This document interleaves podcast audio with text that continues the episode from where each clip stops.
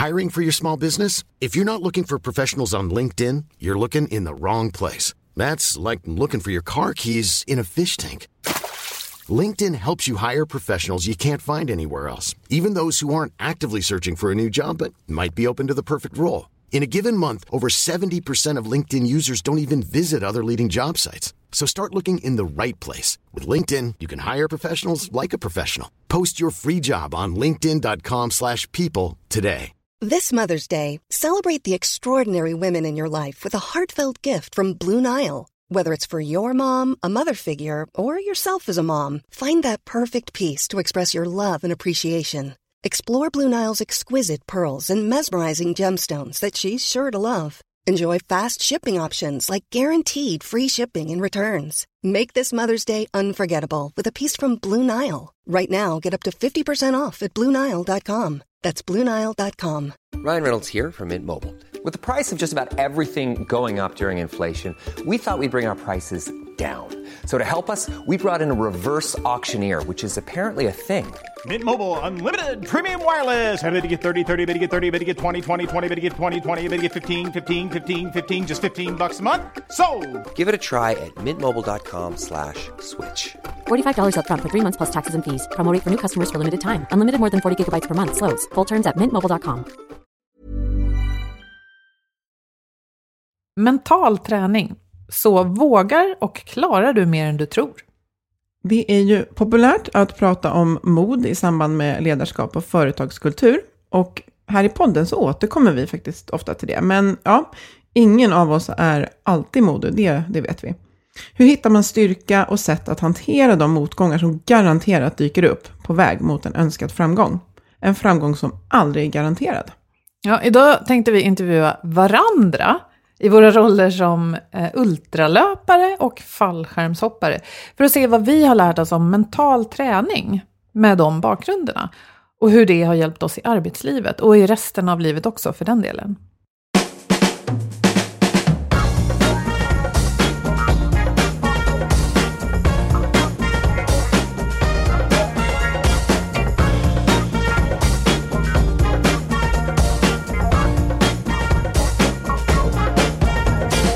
Du lyssnar på Health for Wealth, en podd om hälsa på jobbet.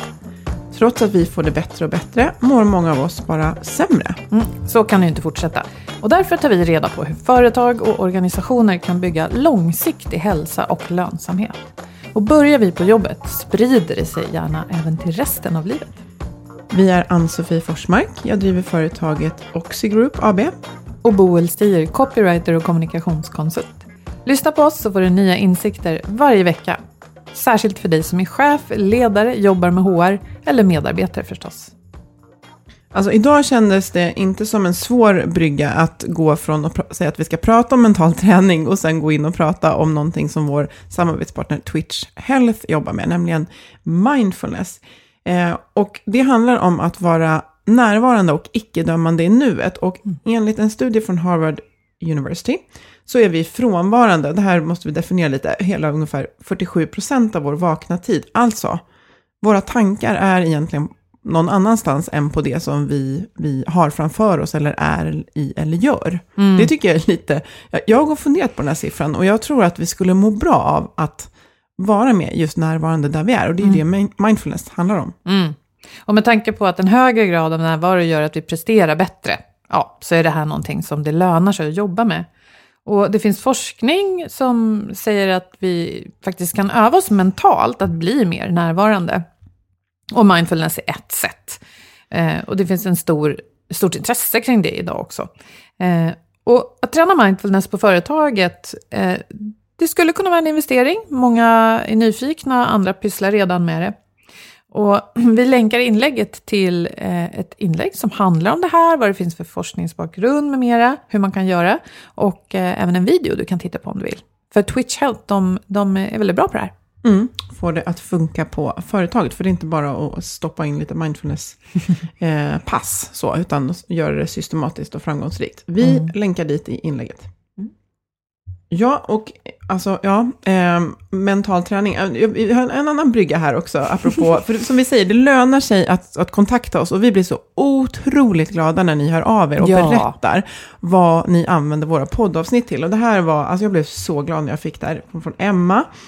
Eh, och det var ett specifikt avsnitt, hon är en trogen lyssnare säger hon. Hon är ambassadör och aktiv testpilot av tips och tricks. Och det är ju också Ja, fantastiskt. men underbart. Ja. Eh, men hon ville skapa utrymme och rutiner för reflektion som hade med arbetet att göra. För hon tyckte att hon hade svårt att prioritera bland arbetsuppgifter och uppdrag. Och det, ja, det kändes inte helt meningsfullt heller eftersom kopplingen blev liksom svår att göra då. Eh, och hon prov, har provat flera modeller. Men kände att det, det var svårt att få det hållbart. För det, det blir lätt krångligt om man ska göra för stor grej av det. Eh, men då var det så att i vårt avsnitt 101, som jag nu inte kommer ihåg vad det hette. Titeln på. Nej, precis. Men där hade vi lagt in frågor som man kan jobba med. Vad har jag gjort i veckan och vad har det lett till? Har det jag har gjort fört oss närmare målet? Och hur känns det? Hur är mina energinivåer? Och i så fall, vad behöver jag eh, förändra? Och sen också, kan jag dela med mig av de här insikterna eller någon av reflektionerna med någon, till exempel kollega till exempel? Och nu ser jag att avsnittet 101 alltså heter Tre rutiner för en hållbar arbetsdag. Ja. Och tydligen så har de här eh, rutinen att göra den här reflektion, reflektionstiden på de här frågorna då på fredag eftermiddag fått jättebra effekt på henne och hon känner skillnad när hon inte gör det. Alltså hon behöver göra de här, det hjälper henne eh, bli mer hållbar och prestera. Och nu eh, mejlade hon och sa vi, vi ska faktiskt använda de här i gruppen. Och det är ju bara ett poddavsnitt som vi Så släppte. himla roligt. Ja. Så kul. Superkul, så tusen tack för det. Ja. Och om du som lyssnar nu har använt någonting av det du har hört här praktiskt och antingen det har hjälpt dig eller det kanske inte alls blev som du tänkte, hör jättegärna av dig. Mm. Det är det bästa som finns när vi får veta.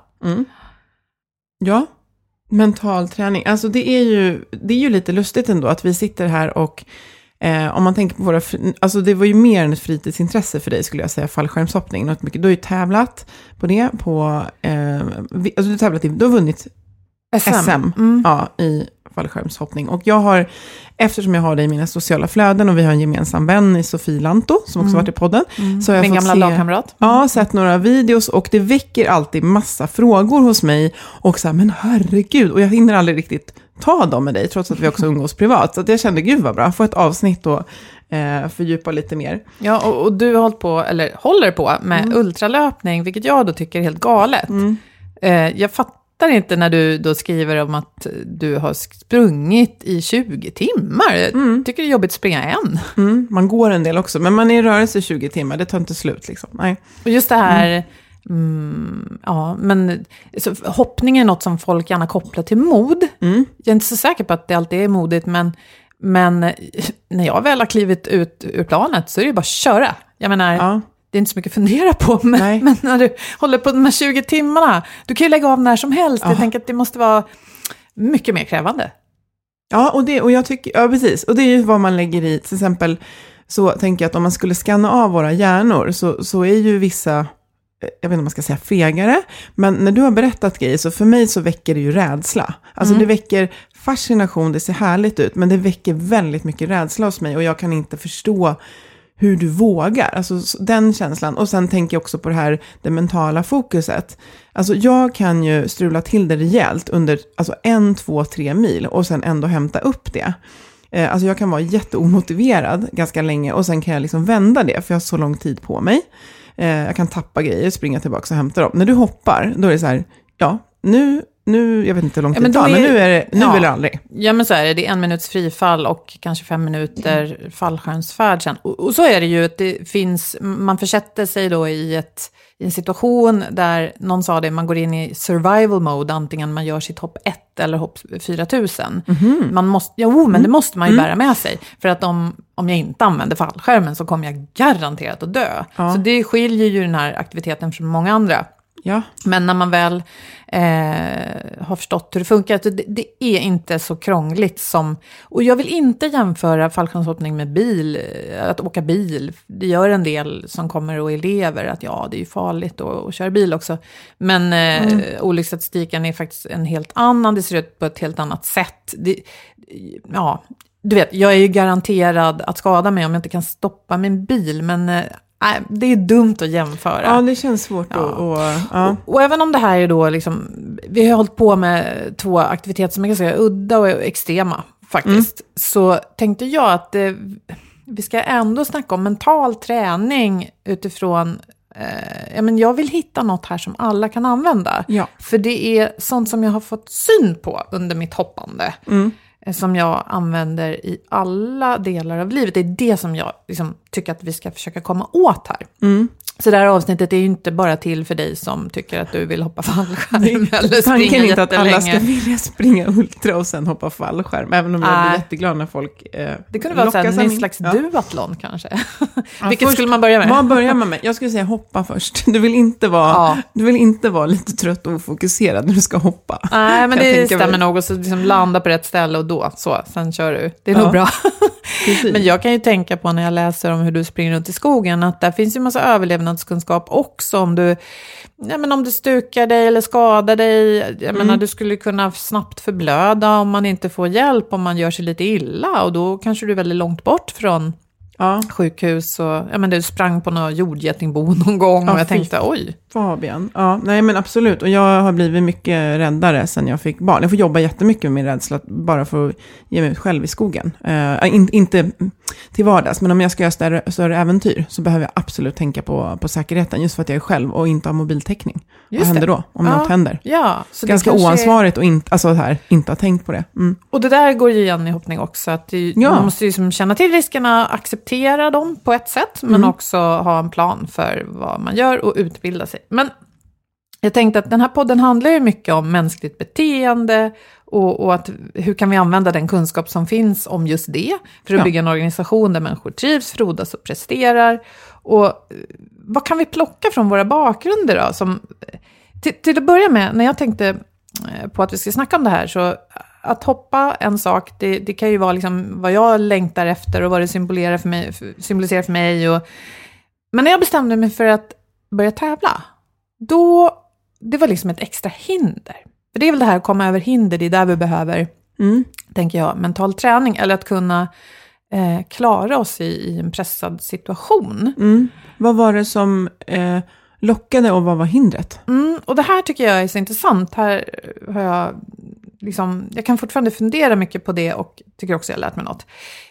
Jag kände tidigt då, jag, jag tänkte inte hoppa länge. Jag tänkte göra en kurs bara. Sen blev jag kvar i 20 år. Eh, så att någonting vaknade hos mig, att jag började älska den här sporten. Mm. Och då vaknade också en längtan efter att verkligen se hur bra jag kunde bli. Ja, varför är det så? Det kan man ju fråga sig. Men så var det, en väldigt stark längtan. Och så kände jag samtidigt att det fanns någonting som höll mig tillbaka. Och det här tycker jag är intressant. För att om, och det här är säkert olika för alla, men jag hade en känsla av att om jag nu säger att jag vill tävla, då säger jag att jag har någon slags förväntan på mig själv, att jag är lite, inte för mer, men, ja, men vem är jag att liksom sticka ut hakan och säga det? De andra kanske tycker jag är jättedålig och ser liksom att det kommer ju aldrig gå. Sådana känslor hade jag. Så dels fanns det en, jag vet inte, rädsla, men jag, ja, jag tror att det är en rädsla att våga erkänna att jag ville något som jag visste att jag kanske inte skulle klara. Och den tycker jag är så intressant. Men då tänker jag, för det du sa nu, det var att du ville tävla för du ville testa hur bra du kunde bli. Och då tänker jag att det är någonting som man sporras till när man, du skulle ju kunna testa det på träning, åh nu blev jag bättre. Men, men man, ja, genom tävling så jämför man ju hur bra man kan bli jämfört med andra. Ja, Den så blir det dimensionen. svart eller vitt Ja. också. Om, om du ställer upp i en tävling och så fick du den här poängen eller det här resultatet, då är det ju också offentligt. Men Ja. Mm. Jag jämför det lite grann med att klä av sig naken. För inom hoppning är det i alla fall så att man, det man gör i frifall, det ser ju inte alla. Om du har med en kamera i hoppet kan du visa det om du vill. Men Ja. annars är det bara de som hoppar tillsammans med dig som ser det. Ja. Så då kan man egentligen landa och liksom stå, stå, så här, brösta Gjorde sig på marken och bara, hoppet. Ja. Det där gick ju så himla bra. Alltså förstår Ja. du? Så plötsligt blev det så här, nu måste alla se allt. Och den känslan är läskig. Mm. Jag tror att det händer just när man sätter ett mål. Och det tänker jag koppla till arbetslivet. Om det är så att, men, ja, men jag jobbar med kommunikation, gud jag vill bli jättebra. Eh, Jag vill starta en egen verksamhet eller jag vill bli chef. Eller, jag tror att man kanske, jag, tror, jag skulle gissa att många känner samma sak. Så här, men, kan jag verkligen säga det? För då tänker ju de att vem är du som tror det om dig själv? Just Så. det. Mm. Och så tänker man att när människan, om man nu kastar om och stuvar om Maslows behovstrappa hur man vill, så är det ju så att när vi har ganska många saker på plats så är det helt naturligt för oss att tänka så här, men jag vill bli lite bättre, jag vill utvecklas. Alltså det är helt naturligt och så. Så det man kan säga är att det här längtan hos dig, den kom ju förmodligen inte under en period i livet när det var massa andra tuffa grejer som hände, utan det fanns utrymme att börja längta efter att så här, fasen, jag vill bli, jag vill bli liksom bättre. Och det är samma på jobbet, att det är helt naturligt Alltså organisationen är uppbyggd så att vi ska vilja klättra framåt. Vi är förmodligen rekryterade för att vi har ett driv, så det finns inom oss. Eh, men med det kommer ju också det här lite, om vi nu kallar det för jante, ja, men vad ska folk vem ska folk tro att jag tycker att jag är? Och Ja. vad tokig den är. Ja, ja, ja, men inte tycker jag. Nej, Därför nej, dels nej. det här med att vi är flockdjur och att bli avvisad är det värsta som kan hända. Det är nästan värre än döden. Ja, oh ja. Mm. Eh, och att bli avvisad, alltså jag skulle ju kunna notera att omgivningen tycker, ja fast du är ju inte cut out för att tävla. Ja, det skulle kanske inte hända, men jag kan ju också märka att det går jättedåligt på tävling och jag får lägga ner min karriär som det liksom. Och jag tänker i en organisation, om jag nu skulle vilja sträva efter en chefspost till exempel, alla kan ju inte få den. Nej. Det är, liksom, det är någon slags utgallringsprocess där jag vet att jag kanske kommer stå liksom med brallorna nere, så att säga. Men jag tycker det är spännande, för min slutsats är sen då efter, nu, nu gick det bra, i, kan vi säga. Därför att jag Väldigt har bra. en SM-medalj, men det är ju inte allt, utan det har ju varit väldigt mycket tårar och motgångar och så här också. Men även om jag inte hade fått den, även om jag hade kommit sist på varenda tävling, så tänker jag att gud, vad man lär sig av sånt. Och, och glöm fallskärmshoppning och tävling, men just det här att våga, jag, jag tror att det är väldigt viktigt att våga uttala ett mål först för sig själv. Och just om det kommer inifrån är så starkt, att det här vill jag verkligen. Ja, Och, precis. s- och då tänker jag mental träning, att liksom titta lite på det där för sig själv. Eh, dels kanske lite nosa på varför jag vill det, för är Ja. jag bara driven av en prestationshetsande mamma eller något sånt där, Mm. så kanske det faktiskt inte är en drivkraft jag ska säga ja till. Nej. Men om det är förknippat med mycket glädje och jag bara känner, tjena vad jag vill göra här. Eh, men jag vågar inte prata om det. Börja med att prata med någon förtrogen i den här världen eller utanför. Och så, för, för jag tänker att det här är min erfarenhet. När jag börjar verbalisera saker som är lite läskiga och spännande, eller bara läskiga, så avdramatiseras de. Ja.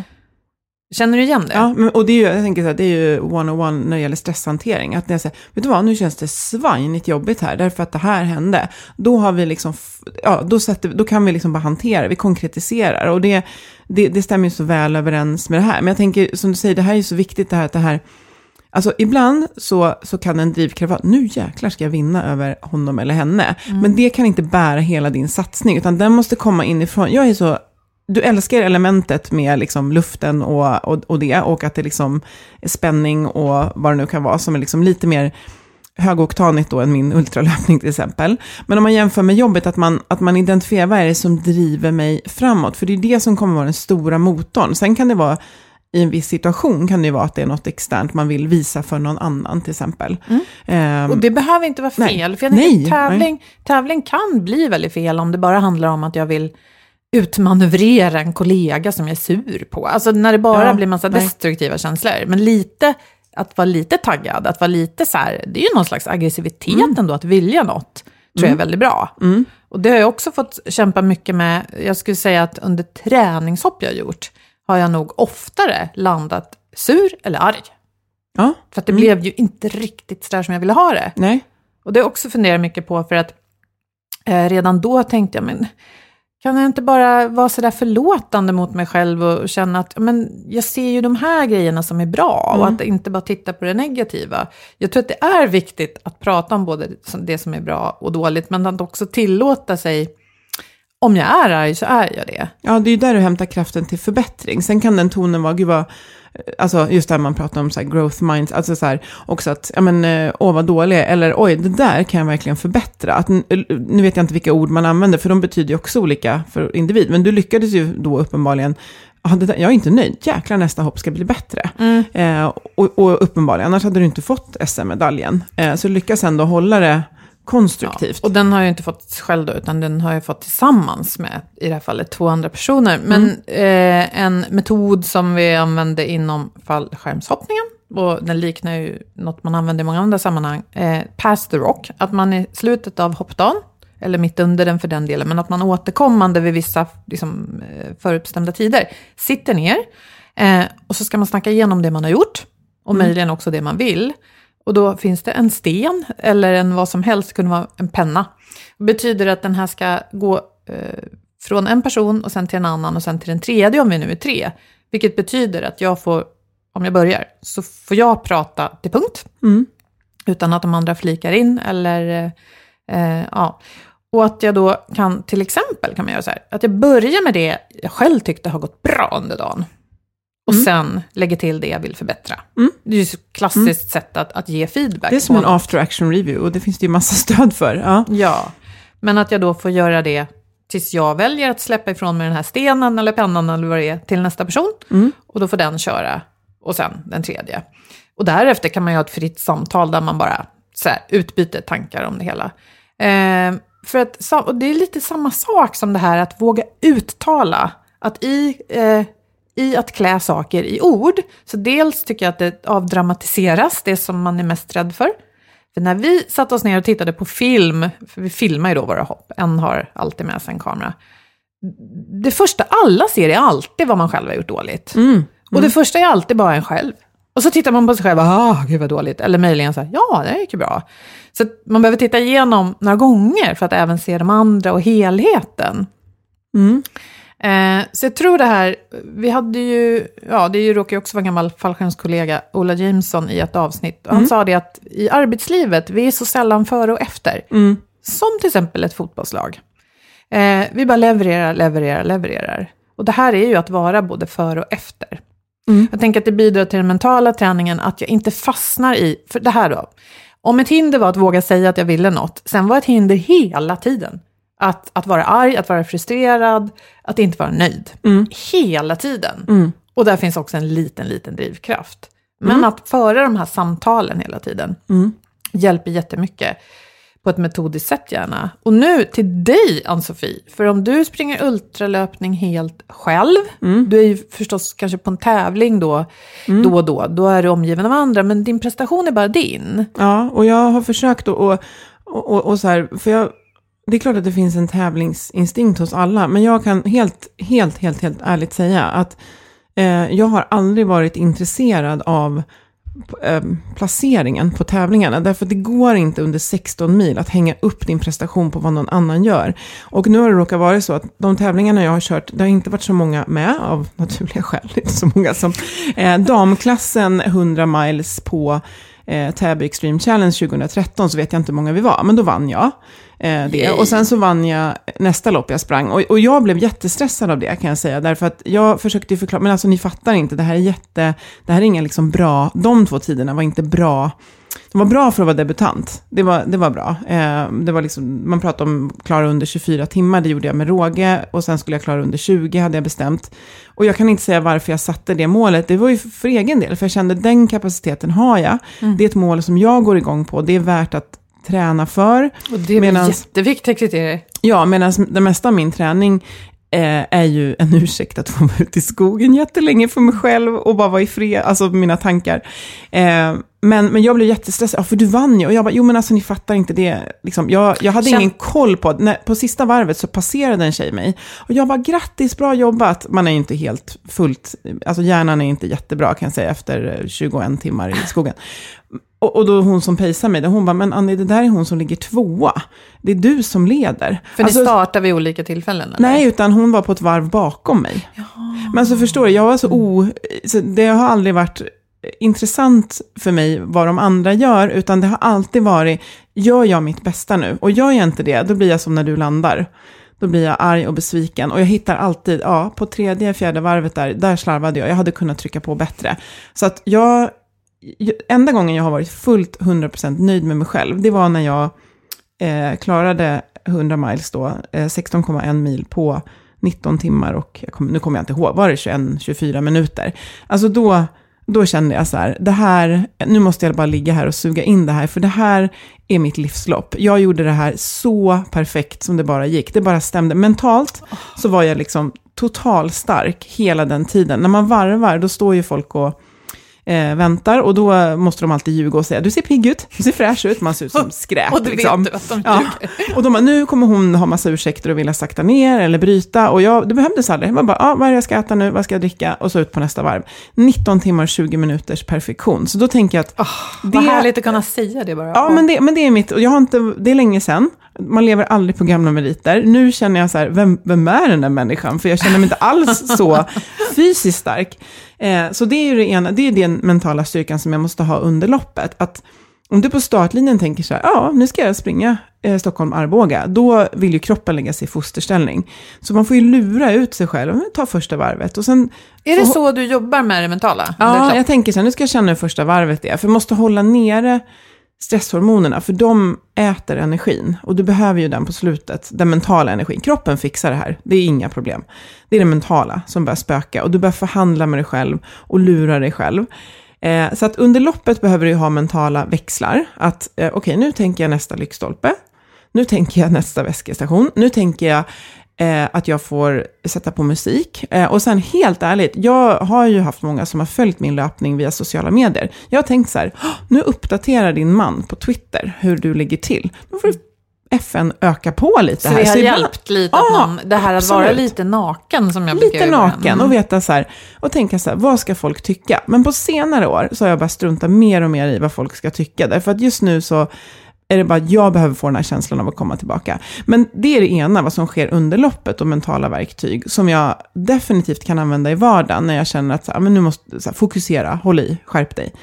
Men sen hela den här drivkraften som ska bära hela satsningen, alltså den kan ju inte hänga på att jag vill imponera på någon annan. För jag berättar väldigt lite just nu om min löpning. Så jag har verkligen testat så här, var kommer drivkraften ifrån? Jo, men den kommer faktiskt inifrån. Att så här, ja, men som han som eh, försökte ta sig upp på Mount Everest 1900 på 90 1920-talet. De bara, varför ska du dit igen? Han bara, för att det ligger där. Och jag bara, den, det går ju inte att förklara, men den känslan, för att det går. För att jag har gjort det en gång. Och eh, jag, jag längtar efter känslan när man har sprungit så länge så att det, det är inte estetiskt vackert, det går inte fort. Och du har liksom skrapat av, du är så naken inför dig själv och det enda det handlar om det är att flytta en fot framför den andra. Och det har jag väldigt svårt att koppla in till arbetslivet. Men just det här att förhålla sig till, vad gör jag för mig själv och vad gör jag för andra? Den tror jag är jätteviktig när man tittar på sig själv i sin yrkesroll. Vad är det jag tycker är viktigt? Eh, och vad är det jag drivs av? Och vad är det jag gör för att eh, basbehoven, höra till, bli bekräftad? För de är superviktiga. Ja, jag Mm. undrar om inte jag fått med mig från ja, men hoppningen, det är svårt att säga, men det här vikten av att få uppskattning Ja, av sig själv och andra. Mm. Och att faktiskt söka det, om det saknas. absolut. Vi pratar ju om feedback, att det är viktigt. Och det, det hänger ihop med det här. Ja, och, och den här kopplingen också att det är viktigt att kunna få den väldigt ärliga, negativa men konstruktiva feedbacken Mm. också. Och jag tänker, det börjar ju i det egna samtalet med en själv. Mm. Eh, Men att inte låta det negativa ta över. Nu, nu pratar vi om väldigt lustfyllda satsningar här för dig och mig. Mm. Det kan ju också vara så att man är i en jobbsituation som man bara måste ro i land fast man inte vill alls. Man vill bara gå därifrån och släppa allting. Så det är ju förstås, det, det kan ju se olika ut. Men eh, eh, jag tänkte på det här du sa, att bara ta sig till nästa lyktstolpe, bara... Det skiljer sig väldigt mycket från min då, idrottssituation, men liknar å andra sidan väldigt mycket hur det kan vara i arbetslivet. Oh ja. Och det här att ta ett steg i taget, Ja. eller åtminstone ta en kilometer i taget, kan ju vara ganska klokt. Man har det här slutmålet och eh, ofta vet man ju inte om man kommer att komma i, komma i mål Nej, alls. nej, men det kan man verkligen när, när något känns övermäktigt. Att, att, liksom in, att inte tro att hjärnan är programmerad för att ta in hela elefanten, utan den klarar av en bete ungefär. Och vad är en bete idag? Att det är inte att fuska, utan det är ett sätt att liksom förhålla sig. Men jag tänkte, nu, du var inne på något där som var så, just det där att eh, det här samtalet med sig själv. Och då är det så att det kräver ju självkännedom. Och den får man ju, om det är någonting man verkligen får av att hålla på med idrott, så är det självkännedom. Du får ju möta ditt allra bästa och värsta jag och allt däremellan. Håller med. Mm. Så det hjälper i idrotten och det tänker jag att det är så tacksamt för barn som får idrotta. Att man får, man, man lär känna sig själv på ett bra sätt om man har en bra Och det bra kan man tränare. också göra genom teater och dans. Ja, Men- men liksom, ja gud ja. ja. Men någon typ av ja, fritidsintresse. Eh, att känna sig själv. Och, och då tänker jag att det är lättare att vara snäll mot sig själv när man känner sig själv. För då kan man ju, om man har en dålig dag, då kan man ju tänka så här, idag var inte jag mitt bästa jag. Eh, och jag, jag tycker att jag förtjänar bättre än det här. Alltså jag förtjänar att ha en bättre dag på jobbet än det här. Och vad är det jag då kan förändra? Så det, det är ju också ett sätt att göra en egen liten after action review. Eh, Mm. Och att hur är man snäll mot sig själv? Alltså det handlar ju jättemycket om att, eh, att känna att man är värd någonting. För det pratas mycket om självkännedom och självledarskap. Och det kan man bara jobba med om man faktiskt tycker att man själv är värd någonting. Och det är inget man fixar på en fikarast heller, om det brister. Så. Ja, just det. Och ja, hur viktigt som helst förstås. För att alla är ju värda något. Vi är ju det. Ja, Så är det bara. mycket. Mm. Eh, Du pratade om det här att ljuga lite för sig själv. Ja. Att, eh, nej men, eh, jag, kan, jag vet inte hur exakt den dialogen eller monologen ser ut, men jag kanske kan kliva av vid nästa vätskekontroll. Fast det gör jag ju inte. Nej. Jag tycker det är intressant. Eh, en annan höghöjdsupplevelse, innan jag hoppade fallskärm så gjorde jag ett bungee jump eh, ja, men, för jättelänge sedan. Eftersom jag tycker om höjder.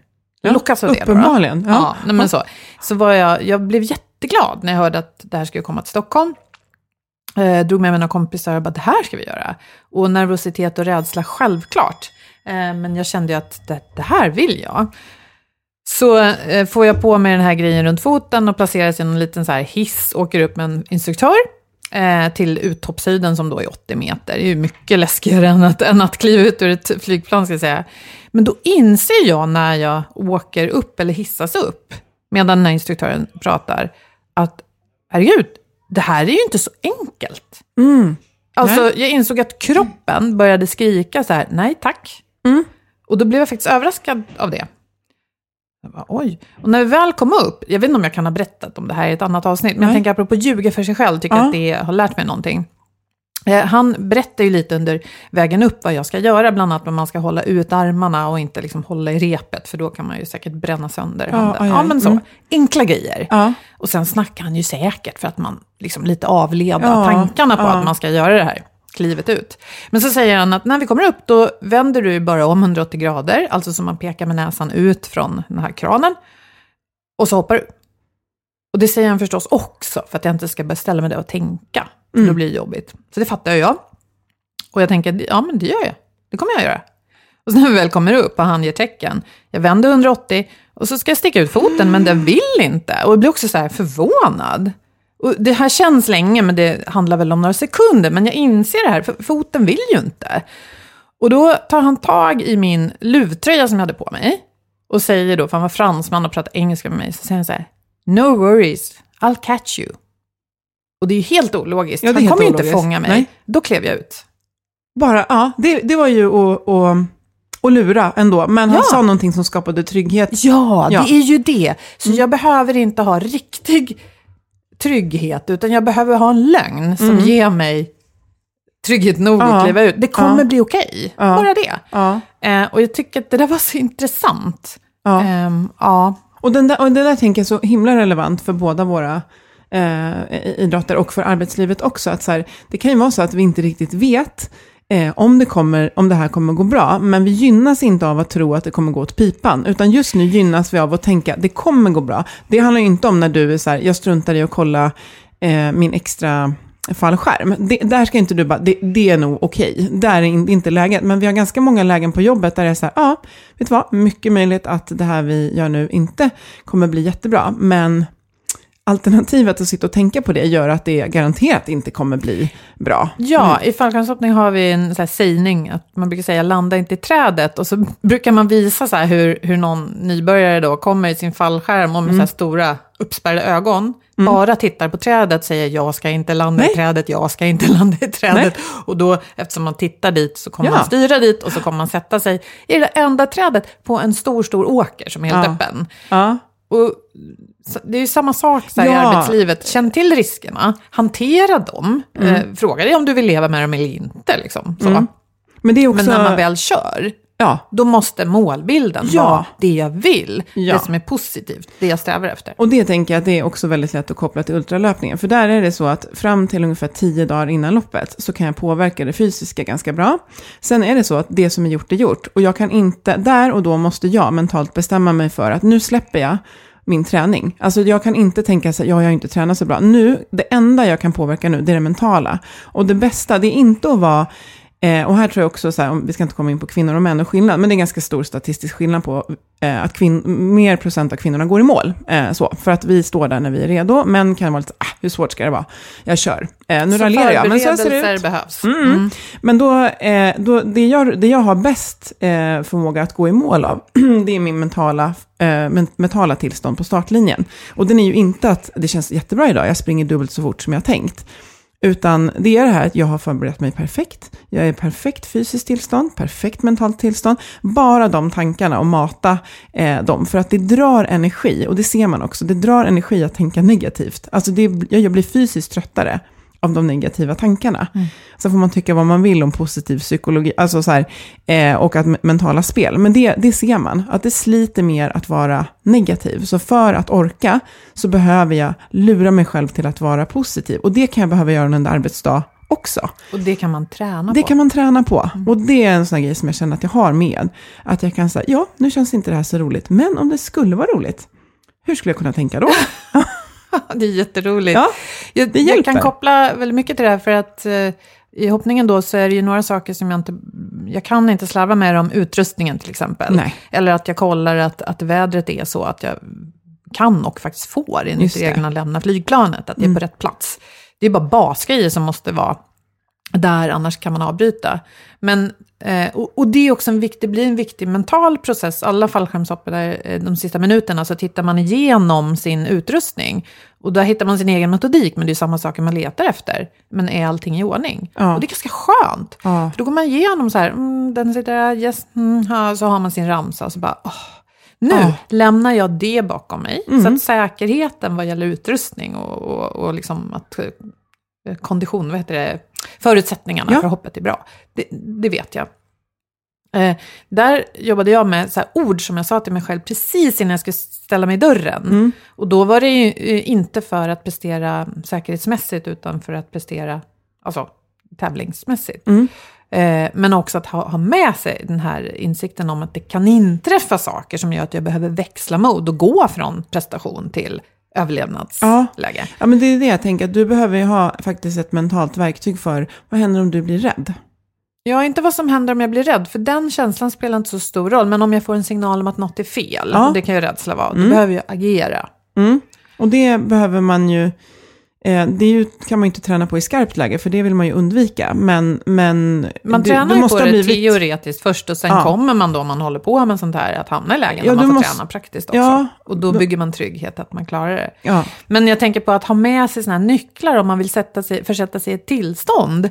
Och ljuga lite grann för sig själv. Mm. Jag tänker att det kan man använda också i ett krisläge på jobbet. absolut. Att så här, ja, men vad är det jag behöver för att prestera här nu då? Vilket Mm. kan vara att tänka. Ja, Men då hade jag de här orden klar och vaken. Ja. Så då hade jag bakat Mm. in några saker som jag behövde. Som fick mig att sänka axlarna, ta det andetaget, tänka och vara redo att liksom agera. Och det där, ja, mental träning kan man ju Mm. liksom verkligen ägna sig åt. Eh, och jag rekommenderar det. Och det finns hur mycket som helst mer att prata om. Men det här att träna, träna på att tänka på. Vad är Ja. det som driver mig? Vad är det för mål eh, jag sätter för mig själv? Hur kan jag prata högt om dem Mm. för mig själv och för andra? Eh, hur kan jag få den trygghet jag behöver för att våga då eventuellt vara modig? Om Ja, jag men det är ju det. Du är ju modig från en trygg plattform. Mm. Man är inte modig från ett krisläge, utan från en trygg plattform kan man vara modig i positiv bemärkelse. Och sen också det jag vill göra skillnad på, det är det här eh, mentala strategierna för när jag ska driva mig själv framåt och sen mentala strategier för när jag faktiskt är i prestation. Alltså till exempel när jag är i ett möte där det uppstår en situation, när jag ska kliva upp och presentera någonting och står och pratar och så säger någon, jag tror inte ett dugg på vad du säger. Alltså jag behöver strategier för det akuta läget, men jag behöver ha eh, strategier för det liksom långsiktiga. Och det är två olika saker, det är olika typer av verktyg. Så. Jag tänker det- också att det är bra att vara, vara beredd på de här negativa samtalen man får in, från sig själv. Ja, för då blir man också normala. redo när de kommer från omvärlden. För man har redan haft den diskussionen med sig själv. Ja. Och med folk man litar på. och det är väldigt mänskligt att få dem, för vi tenderar, det var det som fick oss att överleva. Så det är helt mänskligt, men vi behöver, vi kan hantera dem och vända dem till någonting positivt, positivt och konstruktivt. Mm. Jag Ja. tänker att vi får komma tillbaka till eh, ämnet mentala ta- mentala strategier. Eh, Det här var lite annorlunda avsnitt och vi, ni får jättegärna ställa frågor till oss, till exempel om det är någonting just kring det här och annat förstås, som ni vill att vi fördjupar oss i. För Ja. vi gillar ju att prata om våra fritidsintressen, men också om mental. Och hur man tar det träning. vidare, de, alltså de lärdomarna till, Ja, till till, eh, övriga livet. Jag måste bara summera att säga så här, fast jag då har gjort massa saker som folk tycker är modigt. Fast jag tycker det modigaste man kan göra är att berätta för någon att man tycker om dem. För det, där finns också väldigt stor risk för av, avvisning. Avvisande. Mm. Ja.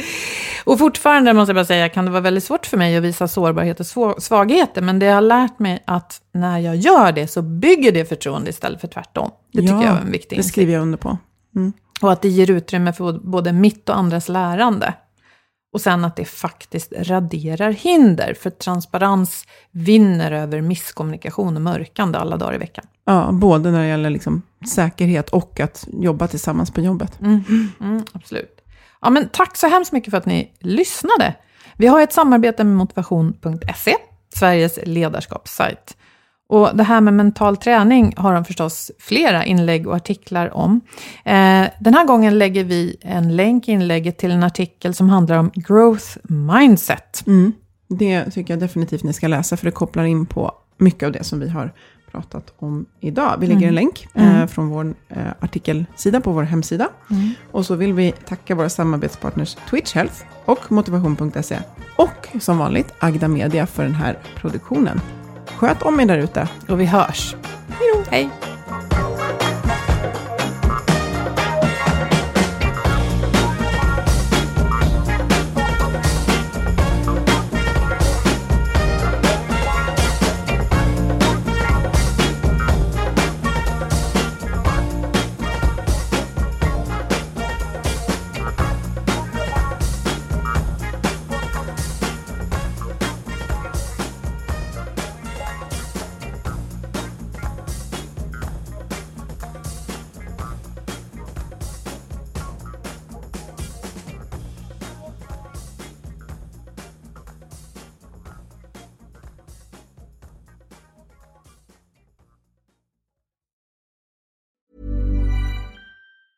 Normally, being a little extra might be a bit much, but not when it comes to healthcare. That's why United Healthcare's Health Protector Guard fixed indemnity insurance plans, underwritten by Golden Rule Insurance Company, supplement your primary plan so you manage out of pocket costs. Learn more at uh1.com. Mom deserves the best, and there's no better place to shop for Mother's Day than Whole Foods Market. They're your destination for unbeatable savings, from premium gifts to show-stopping flowers and irresistible desserts. Start by saving 33% with Prime on all body care and candles. Then get a 15-stem bunch of tulips for just $9.99 each with Prime. Round out Mom's menu with festive rosé, irresistible berry chantilly cake, and more special treats. Come celebrate Mother's Day at Whole Foods Market. Flexibility is great. That's why there's yoga. Flexibility for your insurance coverage is great too. That's why there's United Healthcare Insurance Plans. Underwritten by Golden Rule Insurance Company, United Healthcare Insurance Plans offer flexible, budget friendly coverage for medical, vision, dental, and more. One of these plans may be right for you if you're, say, between jobs, coming off your parents' plan, turning a side hustle into a full hustle, or even missed open enrollment. Want more flexibility? Find out more about United Healthcare Insurance Plans at uh1.com.